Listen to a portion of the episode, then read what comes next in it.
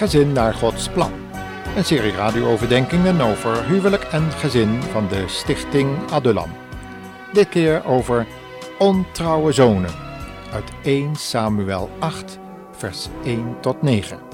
Heeft u uw Bijbel weer open? Leest u maar mee.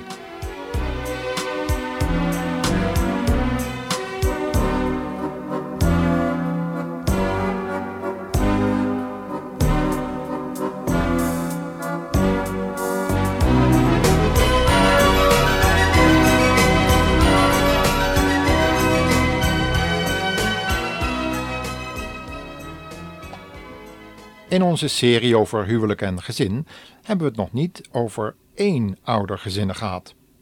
Nu lijkt het erop dat we eindelijk er één gevonden hebben, in het gezinnetje van de profeet Samuel. We lezen namelijk niets over zijn vrouw, maar wel over zijn zonen, die hij op zijn oude dag tot richters over Israël wilde stellen. Laten we eens iets lezen uit 1 Samuel 8, vers 1 tot 9 hoe dat in die tijd er aan toe ging onder die richters.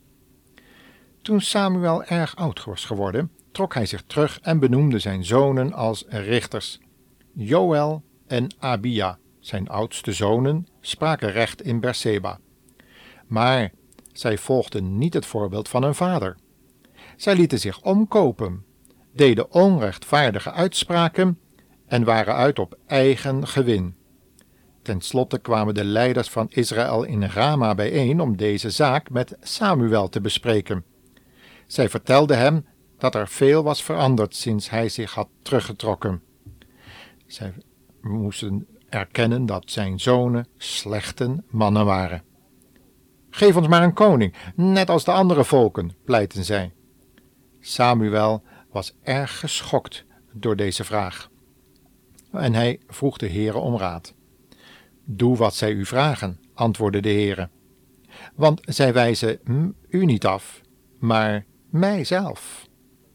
Zij willen niet dat ik nog langer hun koning ben. Al vanaf het begin dat ik hen uit Egypte wegleidde, hebben zij mij voortdurend afgewezen en zijn andere goden gevolgd. En nu behandelen zij u op dezelfde wijze. Doe daarom wat ze u vragen. Maar waarschuw hen voor de gevolgen van een koning die zij over zich wensen. Je wilt God niet, je keert je om en jij hebt lak aan hem. Je zoekt God niet, je houdt je dom en jij leeft zonder hem. Je hebt je rug naar hem gekeerd, je hebt hem weggepraat maar is God daarom er dan niet, als jij hem dood verklaart?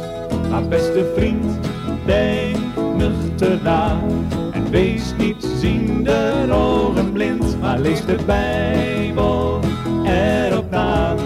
Hij die zoekt, die vindt. Het is voor ons realiteit, dat er één God bestaat. Het is daarom Zoals we reeds zeiden, lezen we niets over de vrouw van deze grote profeet Samuel.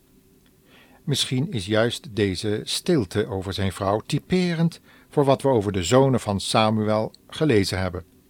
Ze volgden het goede voorbeeld van hun vader niet na, maar wilden wel van zijn goede naam profiteren en op de godsdienstige gevoelens van het volk inspelen. Precies zo handelen ook de zonen van de priester Eli, waar Samuel zo lange tijd onder gediend had in de dienst binnen het heiligdom van God. Was onze godvruchtige profeet misschien te veel op reis? En besteedde hij wellicht te weinig aandacht aan de geestelijke opvoeding van zijn zonen? We weten het niet, maar vaak tobben voorgangers met dezelfde problemen als Samuel en Eli. Van de laatste weten we dat hij in zijn opvoeding te slap is geweest en te weinig de heiligheid van God ten aanzien van zijn zonen in het oog heeft gehouden. Maar van Samuel kunnen we dit niet vinden in de Bijbel. Maar wat kunnen we toch voor onszelf leren in ons praktische leven uit deze geschiedenis? Laten we beginnen met de twee zijden van een opvoedkundig probleem te bekijken.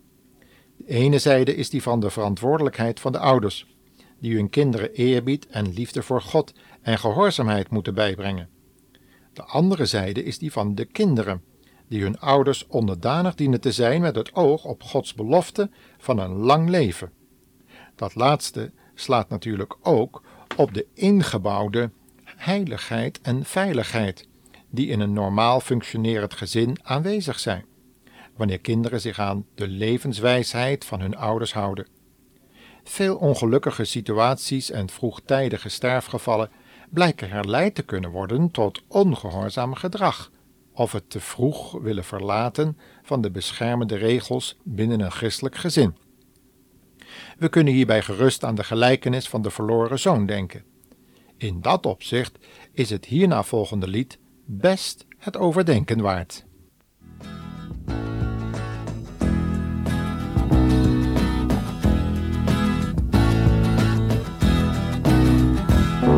Was een jongen van zo'n 18 jaar met een slobbertrui en donker haar. Voor zijn medemensen stond hij klaar, hij kreeg alles voor elkaar.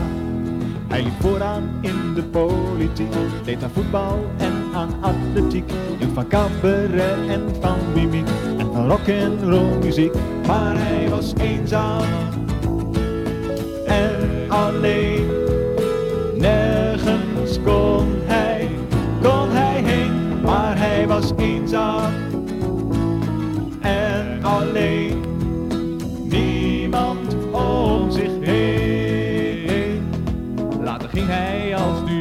Op zijn vader kreeg hij centen zat. En hij dacht dat hij gevonden had op zijn kamers in de stad. S'avonds zat hij in zijn schommelstoel en hij rookte vaak een heleboel. En de drank gaf hem zo'n vrij gevoel. Alles werd dan heerlijk school, maar hij was eenzaam en alleen. Nergens kon hij, kon hij heen, maar hij was eenzaam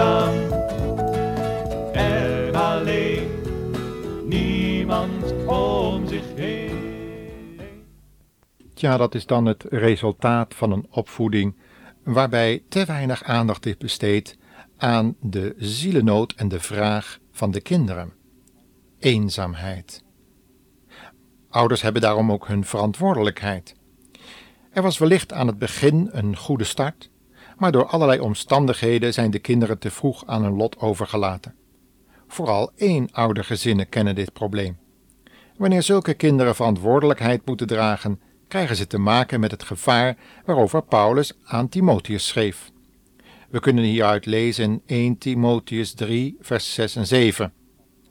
Een voorganger mag niet iemand zijn die pas kort christen is, omdat hij dan wel eens verwaand zou kunnen worden en onder hetzelfde oordeel valt als de duivel.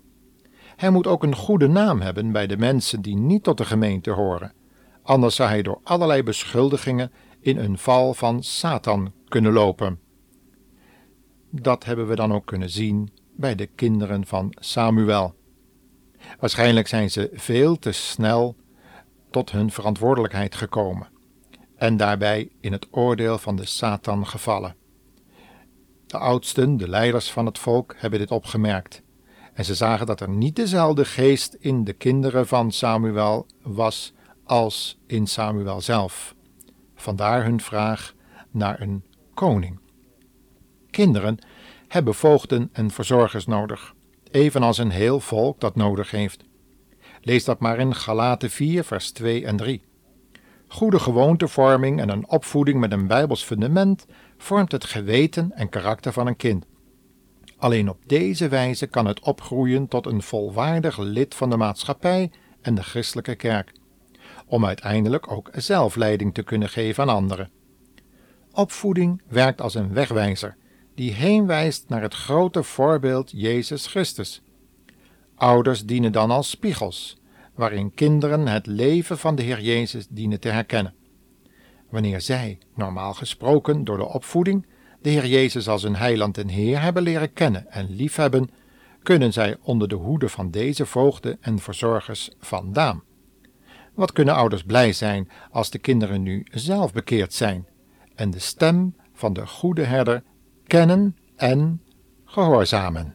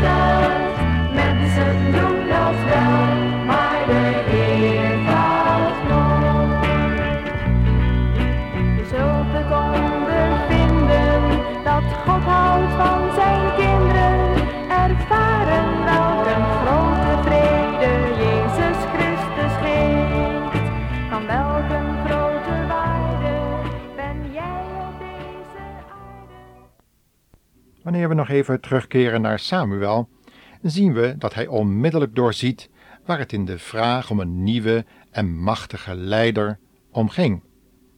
Het ging niet meer om hem en zijn ontrouwe zonen.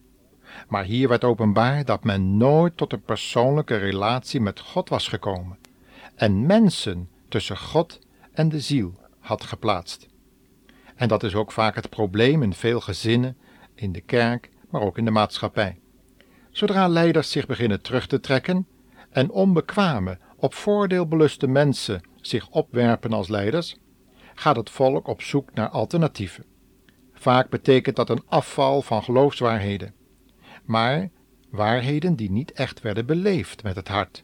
Dat komt dan pas in die situatie, we kunnen het best zeggen een crisissituatie, openbaar.